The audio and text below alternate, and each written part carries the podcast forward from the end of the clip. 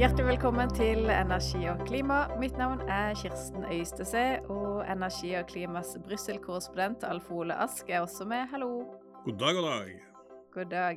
Du, 2022 går mot uh, slutten. Da tenkte vi skulle forsøke å samle trådene og oppsummere året vi er i ferd med å legge bak oss. Ja, eh, hvis vi klarer det på en halvtimes tid, så er vi gode. Ja. Nå skal vi konsentrere oss om eh, klima og energi, så vi lar både covid-håndteringa i starten av året og korrupsjonssaken som kom nå på tampen av året, ligger. Men krigen i Ukraina har jo i høyeste grad hatt betydning for særlig de grepene som EU har tatt på energiområdet, men også på klimapolitikken. Absolutt. Eh, du kan vel si at det som da skjedde i februar i, år, da, da uh, Russland angrep Ukraina, endret jo uh, dette bildet totalt. Fra den dagen så ble jo energipolitikk på en helt annen måte også sikkerhetspolitikk. Og så er det klart at en del av løsningene på de utfordringene som EU har fått, ikke minst ved at den største gassleverandøren, Russland, har skrudd igjen kranene, har jo ført til at man har rettet blikket på andre energikilder, og det har da ført til en boost når det gjelder fornybar eh, energi, som da er eh, kanskje det viktigste svaret EU nå har på litt sikt eh, for å stabilisere den situasjonen de er i. Mm. Hvordan tenker du at 2022 eh, kommer til å bli huska? Jeg tror det kommer til å bli husket som et ekstremt turbulent år, eh, men også et år hvor EU eh, klarte å stå sammen. Én ting er med eh, disse sanksjonspakkene som de har vedtatt vis-à-vis -vis Russland som følge av krigen, men de har også klart å stå sammen på en lang rekke områder innenfor klima og eh, energipolitikken, som vi kanskje ikke trodde eh, de nesten var mulig. Du må huske på det at i desember i fjor, for ganske nøyaktig et år siden, når vi sitter og snakker nå, så gikk altså EU-landene fra hverandre på toppmøte uten å klare å enes om det energipolitiske kapitlet. På det tidspunktet var jo også strømprisen høy. Det var masse strid rundt forbi, og EU klarte altså ikke å bli enige og tok bare rett og slett å strøyke ut det energikapitlet fra toppmøteerklæringen i, i, i desember for et, for et, år siden. Og så kom krigen, og så kom EU-toppmøtet eh, e i Versailles under det franske formannskapet, og derfra og fram til nå har de stått eh, svært samlet. Er dette fordi at noen har sett at de er nødt til å svelge noen kameler for å bli enige og holde på enigheten, eller hvorfor har de klart å egentlig lykkes med å stå samla gjennom hele 2022? Det er fordi, eh, altså En av viktige grunnene er at de plutselig har fått en, en ytre fiende med, med, Russland, selvfølgelig. Men det er også slik eh, at man har vært fullstendig klar over at skal man løse de store utfordringene, så må det skje sammen. Og, man, og så har jo noen land da eh, gitt disse realitetene eh, snudd. Jeg mener, polakkene var jo i fjor høst eh, eh troublemakere på EU-toppmøte etter EU-toppmøte. Etter at krigen brøt ut, så har jo Polen en spilt en helt annen konstruktiv rolle i, i EU.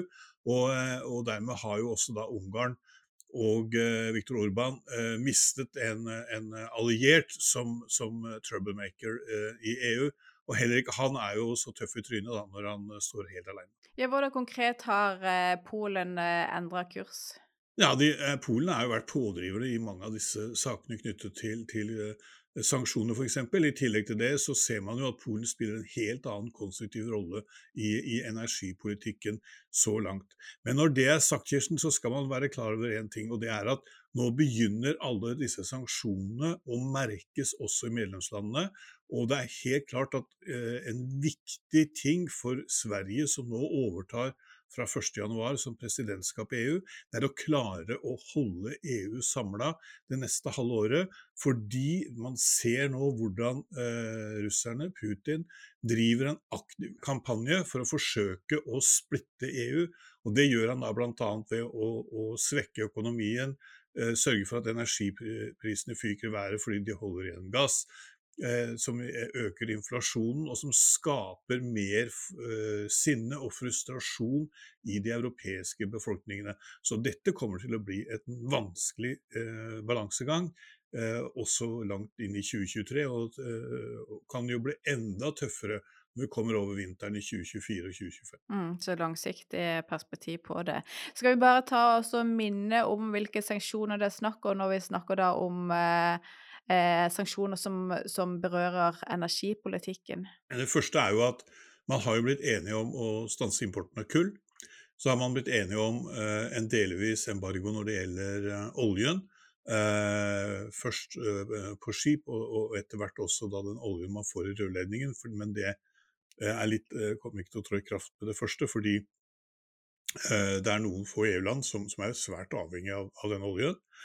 Eh, så det er nok de viktigste på energiområdet. Og så er det klart det er en masse sånne generelle tiltak mot russisk industri som er inngripen i teknologi, og som også rammer rammer eh, energisektoren. Vi så det eh, den gangen da, da eh, Nord Stream-ledningen fortsatt virket, så var det snakk om noen skulle måtte skifte ut noen pumper eh, som da eh, ble laget i Canada, og som da ble stoppet eh, av disse sanksjonene osv. Så, så, så, så det er klart dette har rammet dem. I tillegg til det så er det jo en lang rekke eh, oligarker, eh, businessfolk eh, og, og, lignende som er knyttet til energisektoren, som ikke lenger kan få lov til å reise fritt, og som er utsatt for personlige sanksjoner eh, fra, fra eh, Vestens side. Mm.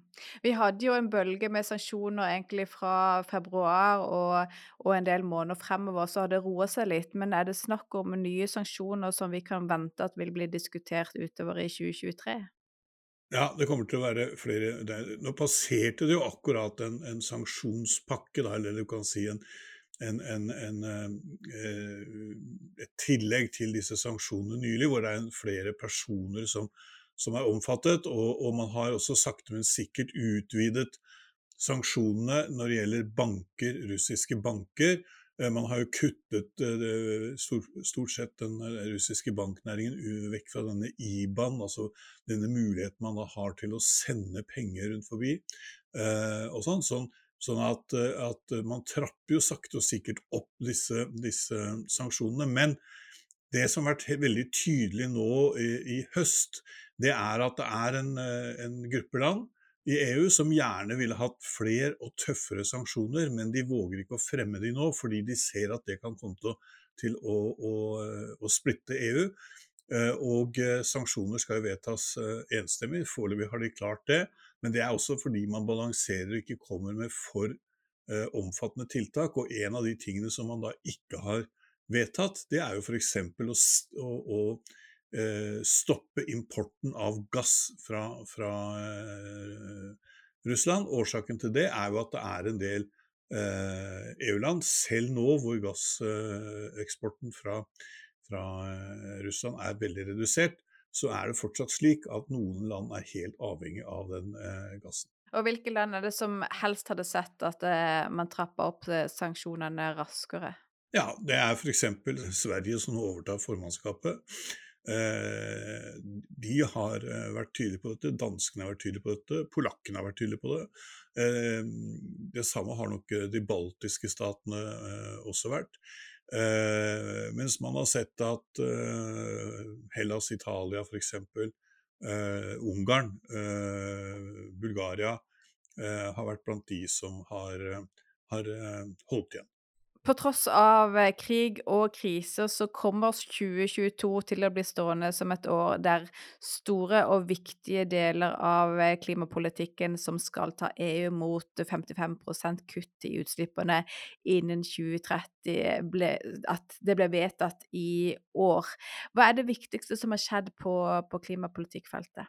Jeg tror det viktigste er at man har nå har fått gjennom en veldig stor del av denne Fit for 55-pakken som du og jeg har snakket mye om, som ble lagt fram i, i juli i 2021. Det var vel faktisk den første podkasten vi, vi, lagde sammen Kirsten, for halvannet år siden som handlet bare om den. Mm. Eh, og, og eh, Den gangen var jo eh, timeplanen ambisiøs, og så kom hele denne, dette krigsscenarioet. Og man trodde eh, nok for eh, et halvår siden at det skulle holde hardt å klare å få loset mesteparten av dette gjennom i dette året. Det har man klart, eh, og kanskje noen av de viktigste tingene her er jo hele reformen og utvidelsen av EUs kvotehandel. det er nå på plass. Denne CBAM-en, denne karbontollen, eller karbonavgiften, som man skal ilegge eh, varegrupper som sement, jern, stål, aluminium, kunstgjødsel, øh, hydrogen og, strøm. strøm. Tror ikke jeg har glemt noe nå. Eh, den er på plass og skal begynne å fases inn fra 2026, men det er visse sånne loopholes i den. fordi man, eh, man, må passe på at det ikke skjer på en måte som gjør at industrien flykter fra, fra Europa. Så, så, det er store, tunge reformer som nå er eh, som man nå er enige om i EU mellom Europaparlamentet og rådet, og som, som nå da eh, vil være gjennomført i løpet av, av svært kort tid. Eh, man skal da meisle ut de endelige lovtekstene og, og, og litt sånt. Så, så eh, det er eh, De har tatt betydelige steg i retning av å, å oppnå målet om 55 kutt i utslippene i 2030. Det som peker litt i den andre retningen, det er jo f.eks. at denne gasskrisen jo fører til økt bruk av kull. Den fører til økt import av LNG, altså flytende nedkjølt gass. Denne skal tines opp igjen. Eh, gass, altså LNG, når den er tint opp og er vanlig naturgass, så, så vil ikke utslippene være noe større enn fra røregass. Men prosessen rundt LNG øker utslippene. Sånn at eh, det gjør jo at eh, CO2-utslippene f.eks. på kort sikt kan øke noe. Men, men, med den fornybarsatsingen som man nå har i EU, så ser man at, at man antageligvis når disse målene når man kommer fram til 2030. Hva er det da som gjenstår av Fit for 55 som eh, ikke har landa nå i 2022, og heller ikke ser ut som kommer til å bli landa på denne siden av nyttår? Nei, nå tror jeg, nå tror jeg julefreden senker seg mer eller mindre over, over både det tsjekkiske formannskapet og de eh, enkelte EU-institusjonene. Det vi sitter og venter på, og som, som kan komme nå i jula, er jo denne strømmarkedsreformen. Eh, som kommer til å bli en viktig og stor sak i, i neste halvår, som altså handler om å, å, å eh, frikoble gassen fra, fra, strømprisen. Nei, altså Det som står igjen nå, er jo eh, en del av disse tingene på energiøkonomisering og, og energiskatt. Det er vel liksom de store, tunge tingene som står igjen der. Og der er det også litt sånn at EU la jo fram i mai i år en pakke som de kalte Repower EU, som da styrker eh, dette fornybarkravet når det gjelder strømproduksjon ganske kraftig, eh, og som da på en måte er et tillegg til de direktivene som allerede ligger i, i, i pipeline. Så, så uh, vi begynner vel nå også å jobbe oss gjennom, eller se at EU nå jobber seg gjennom denne Repower-pakka, eh, som er eh, ganske kontroversiell, og som vil føre til en enda større boost av, av fornybar eh, satsing. Her kommer f.eks. Og det sitter de og krangler om mellom parlamentet og, og rådet, altså medlemslandene nå. Det gjelder disse nye, mer slakke, for å si det sånn, konsesjonsreglene. Dette at man skal uh, kunne få behandlet konsesjoner for utbygging f.eks. av vindkraft, store, store solpanelanlegg og sånn, i løpet av uh, helt ned til seks måneder, hvis dette er i områder som er erklært som veldig egnet for dette. Her behøver man ikke være Einstein for å se at det kan komme til å bli store uh, stridigheter rundt dette, ikke minst fra en del naturvernorganisasjoner, som, som jo eh, kanskje ikke liker en slik hurtigbehandling av, av denne type eh, tillatelse. Som jo er omstridt i Norge, og også omstridt i, i, i de lang rekke EU-land. Og Norge kommer til å bli omfattet av disse reglene som en del av EØS-avtalen. Mm. Og denne repo-pakka skaper jo litt forvirring som, fordi den kommer på toppen av allerede det som ligger i Fit for 55, og handler til dels om det samme. Altså, i, stor så handler det om å fase ut fossil energi så raskt som mulig og få til et raskt grønt skifte. Eh, og da bare for å forstå prosessen her, da. Hvor langt er Repower EU-pakka kommet, og når vil vi se at det blir vedtak på, på de punktene som, som, du er inne på som er kontroversielle, og særlig da handler om konsesjonsprosessen for, for, ny fornybar energi? Jeg tror det kan eh, komme til å gå ganske raskt. Eh, og du har helt rett i at dette er jo eh, forslag som egentlig skjerper Fit for 55-direktivene, og som da sørger for eh, altså da de ble lagt fram, så sa Frans Timmermann, som jo er eh, visepresident i kommisjonen og den som har ansvaret for grønne skiftet, at dette var en slags ekstra etasje på det byggverket som Fit for 55 er. Eh, og eh, jeg tror at eh, mye av dette her vil være på plass innen påske. Og, det du også så på EUs eh, energiministermøte nå sist eh, mandag, hvor man da ble enige om denne gassprisbremsen, som man kan kalle det. Da vedtok jo også rådet noen forenklede regler for bl.a. å framskynde utbygging av fornybar energi, som da skal gjelde som kriseregler fram til, til ja, i ett år. Eh, til disse andre reglene er på plass. Det innebærer f.eks. nå at dersom du vil eh, bygge solcellepanel på et garasjetak, altså på et garasjehus, eller ute på eh, parkeringsplasser foran supermarkeder, langs jernbanelinjer, sette opp vindmøller på industriområder, så er det slik, eh, vil det være i en del tilfeller, at dersom du ikke har fått svar eller ikke har fått et nei fra myndighetene innen en måned, så kan du bare sette i gang og gjøre det. Og En del av disse tingene her er rett og slett fordi man ser at skal man nå disse fornybarmålene, og skal man fase ut gass og kunne spare gass i den, det omfanget EU nå har vedtatt, de skal jo spare 15% av sitt gassforbruk mellom nå og mars måned i 2023, ja, så må du ha mer eh, energi inn i systemet. Mm. Uh, og som du sa, mye av Fit for 55 er nå vedtatt. Repower kommer, det kan gå fort. Uh, hva betyr dette for Norge, og når treffer det oss? Ja, det er jo en av uh, de interessante tingene. fordi at nå er, blir jo dette vedtatt i EU. Og når det er vedtatt i EU, da starter EØS-prosessen. Og da må liksom Norge formelt sett si, sammen med de to andre Eh, EFTA-landet, Liechtenstein og Island, eh, og, og akseptere dette som en del av EØS-avtalen. Eh, og det, formelt sett så starter jo ikke det arbeidet før det er vedtatt i EU. Og Det betyr jo at i hele denne prosessen så har Norge ikke bare sittet på gangen, men jeg hadde nær sagt på feil gang. Så de har jo hatt veldig liten innflytelse på denne regelen utviklingen i, i, i, EU. Så starter da den prosessen, og eh, etter avtalen så skal det da gå, eller kan det gå et visst antall måneder før da dette blir en del av norsk eh, lovgivning. Eh, det kan fort vekk gå et par år for noen av de eh, tyngste tingene. Jeg tror at f.eks. Eh, nå skal det jo ta litt tid da, før CBAM liksom er inne i og opp og står. Det skal jo testes ut og sånn, denne, denne karbontollen. Så det er, jo, det er, jo, noe sånn slack i systemet her. Men, men eh, mesteparten av dette må nok igjennom i Stortinget i løpet av eh, et år av halvannen. Eh, hvis de skal klare å henge med i det, den, det tempoet som, eh, som, det grønne skiftet nå eh, skjer i, eh, i EU. Mm. Fit for 55-pakka den inneholder jo eh, noe rundt 12-15 eh, lover og direktiver. Eh, hvilke rom har vi for å velge de vi liker, og velge vekk de vi ikke syns er så kjekke å ha?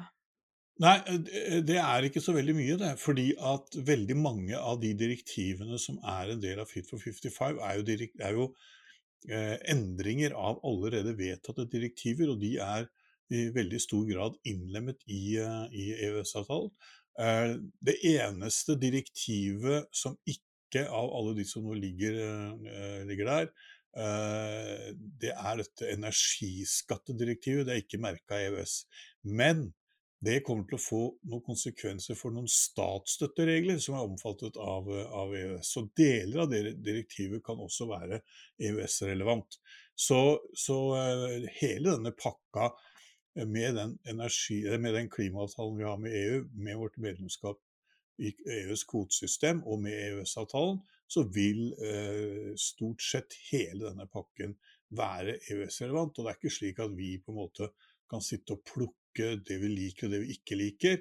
Fordi eh, hvis vi liksom skal være en del av EUs kvotehandelssystem, og det er det vel bred enighet med Norge at vi skal, så må vi også ta denne CBAM-en, eller dette, denne Hva heter det? Ja. Karbontollen. Nettopp! Karbontollen. Da må, da, må, vi ta den også, så vi kan liksom ikke stå utenfor bare en bit av, av det systemet.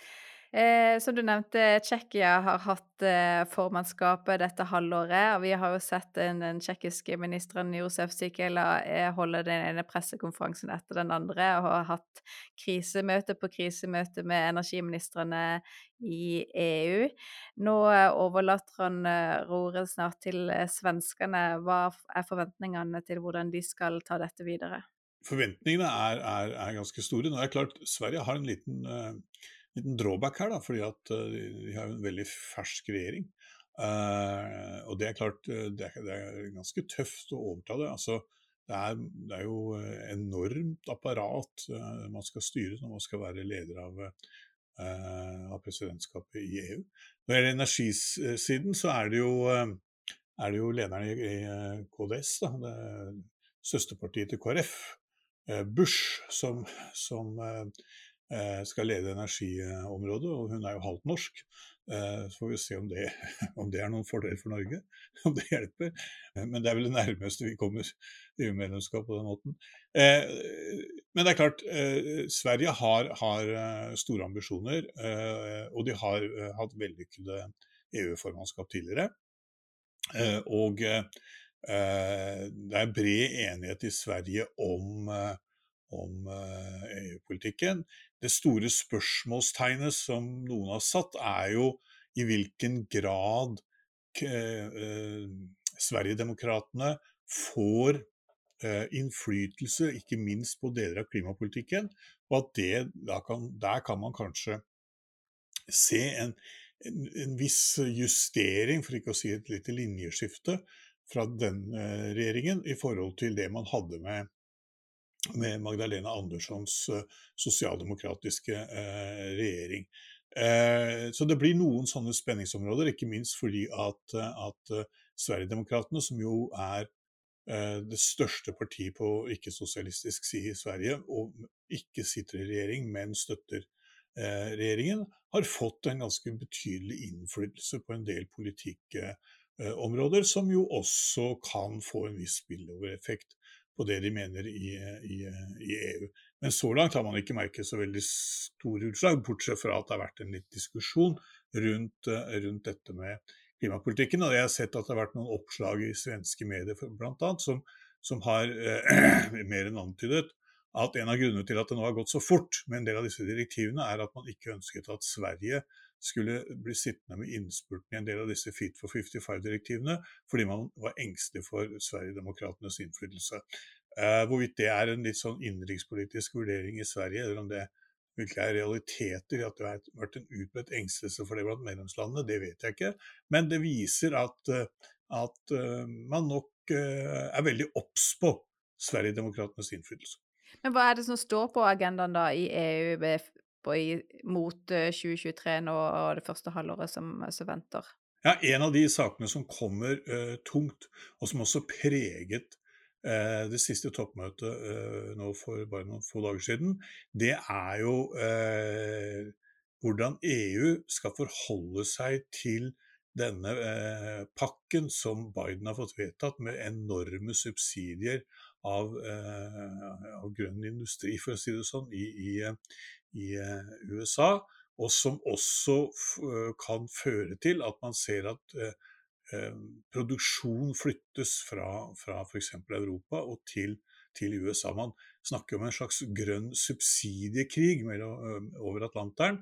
Dette er en veldig trøblete handelspolitisk sak som, som svenskene får, får i, i, fanget, og som de må løse. Og så er det denne strømmarkedsreformen som jeg nevnte innledningsvis, som kommer eh, nå i første halvår, og som kommer til å være eh, veldig viktig, og som er allerede før man har sett noe som helst fra, fra kommisjonen, er omstridt og, og, omdiskutert. Og jeg ser senest i dag fikk jeg noen nyhetsbrev som viser at det som kraftselskapene, strømselskapene nedover i Europa, er allerede på krigsstien fordi de er engstelige for hva slags inngripen i markedet kommisjonen kan komme til å foreslå. Så, så, det er noen av disse store, tunge sakene her som kommer til å ligge på det bordet. Og i tillegg til det så har svenskene selv allerede pekt ut at det å holde EU samla eh, i denne krisetiden, både når det gjelder strømkrisen, men også forholdet til Russland og Ukraina-krisen, det kommer til å bli en, en betydelig oppgave for dem.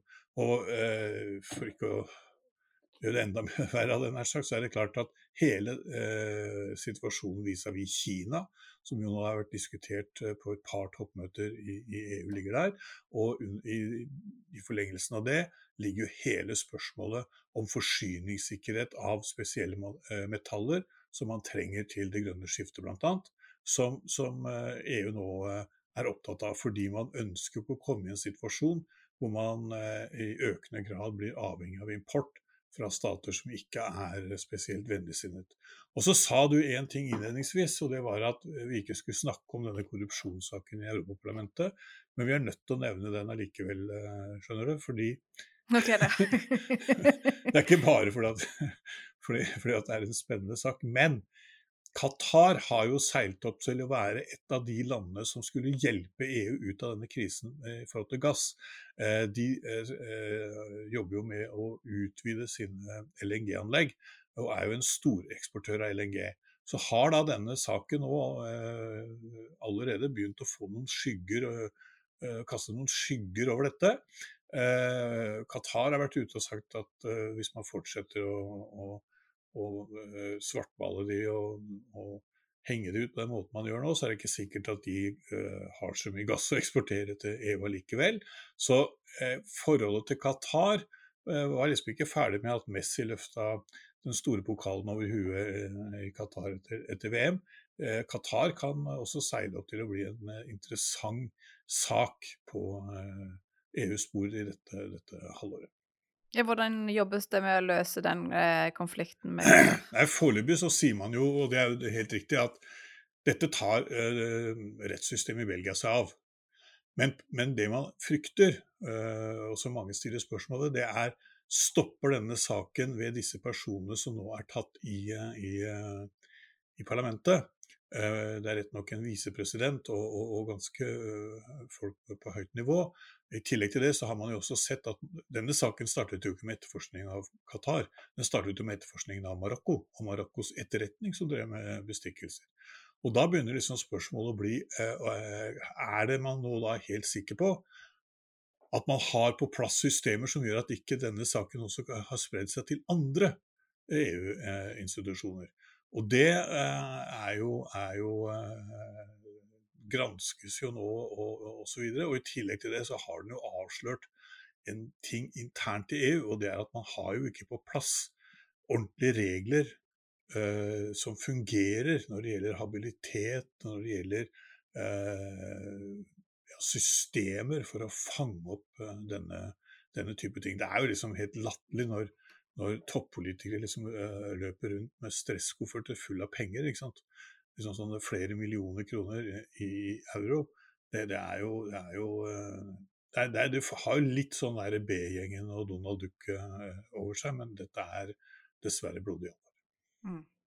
Jeg noterer at korrupsjon også er kobla til energi, så jeg skal ikke avskrive det temaet for fremtidige podkaster. Foreløpig er det ikke kobla til det, foreløpig er stort sett bare kobla men, men, det kan fort bli, bli en, en, sak som også, også eh, kan få konsekvenser for det. Ja. Mm, er bra.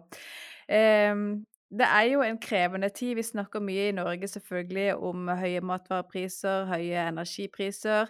Det samme treffer også europeere i, i, minst like stor grad. Hva slags julehøytid er det europeere går inn i nå? Hvordan ser situasjonen ut for både energisikkerheten og prisnivået? Akkurat nå ser det ikke så ille ut, eh, fordi vi har hatt en veldig mild høst. og man har vært flinke til å spare energi, og gasslagrene er fortsatt eh, fulle. Sånn at eh, eh vinteren i, denne vinteren vi er inne i nå, regner man med at man skal komme igjennom noenlunde greit. Uh, uten å få de helt store uh, prisutslagene. Problemet er jo når man til våren skal starte å fylle lagrene igjen, uh, og hvor man da ikke kommer til å få noe særlig gass fra, fra Russland. Det har man jo gjort i år. og så må man da ut på verdensmarkedet og kjøpe den LNG-en. Og nå ser man jo at Kina eh, begynner å bruke mer energi eh, på vei ut av coviden. Eh, India har fyra mye med kull, men er interessert i å kjøpe gass. Uh, sånn at uh, det blir kamp om den gassen, og det kan komme til å bli både dyrt og vanskelig å, å få nok gass til, til, EU i, i 2023-2024. Sånn at det ser ikke lyst ut, for å si det sånn, på energisida. Når det da gjelder matvarepriser og inflasjon, så ser man jo også at den er høy i, i en lang rekke eh, medlemsland. Sånn at eh, dette legger nok en viss demper, for å si det forsiktig, på en del av eh, julefeiringen. Men her i Brussel eh, har man jo noen fantastiske tradisjoner med julemarked.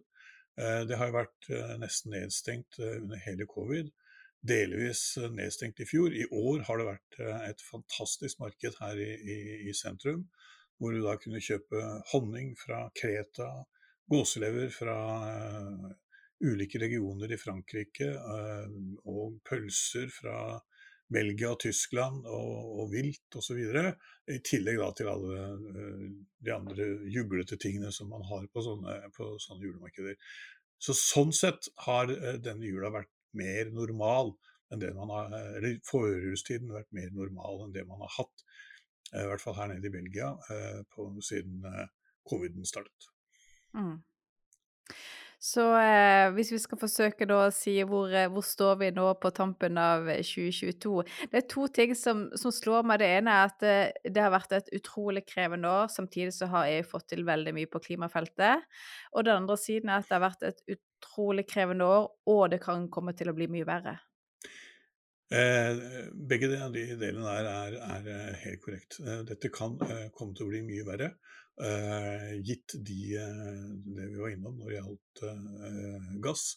Og så må man liksom si i tillegg, da, for å gjøre situasjonen ekstra ille, at de franske atomkraftverkene, som har betydd mye for strømforsyningen, er jo fortsatt i stor grad nede pga. vedlikehold. Eh, man har sett nå at man har stengt et par reaktorer i Sverige for vedlikehold. Altså atomkraften i Europa er nær pensjonsalderen, eh, og eh, det gjør at den heller ikke er så stabil som det man, det man trodde. Og så har man da hatt uh, trøbbel med vannkraften uh, pga. den enorme tørkesommeren som vi snakket mye om for, for noen måneder siden. Så, så, uh, så det, vi trenger jo ikke bare liksom, eh, litt flaks i forhold til å få gass og sånn, men vi trenger også å ha værgudene med oss eh, hvis vi ikke skal få et enda tøffere år i 2023-2024. Vi er uansett eh, tilbake med flere podkaster også i 2023. Takk for eh, denne gang, Alf Olask. Takk skal du også ha, og eh, god jul. God jul.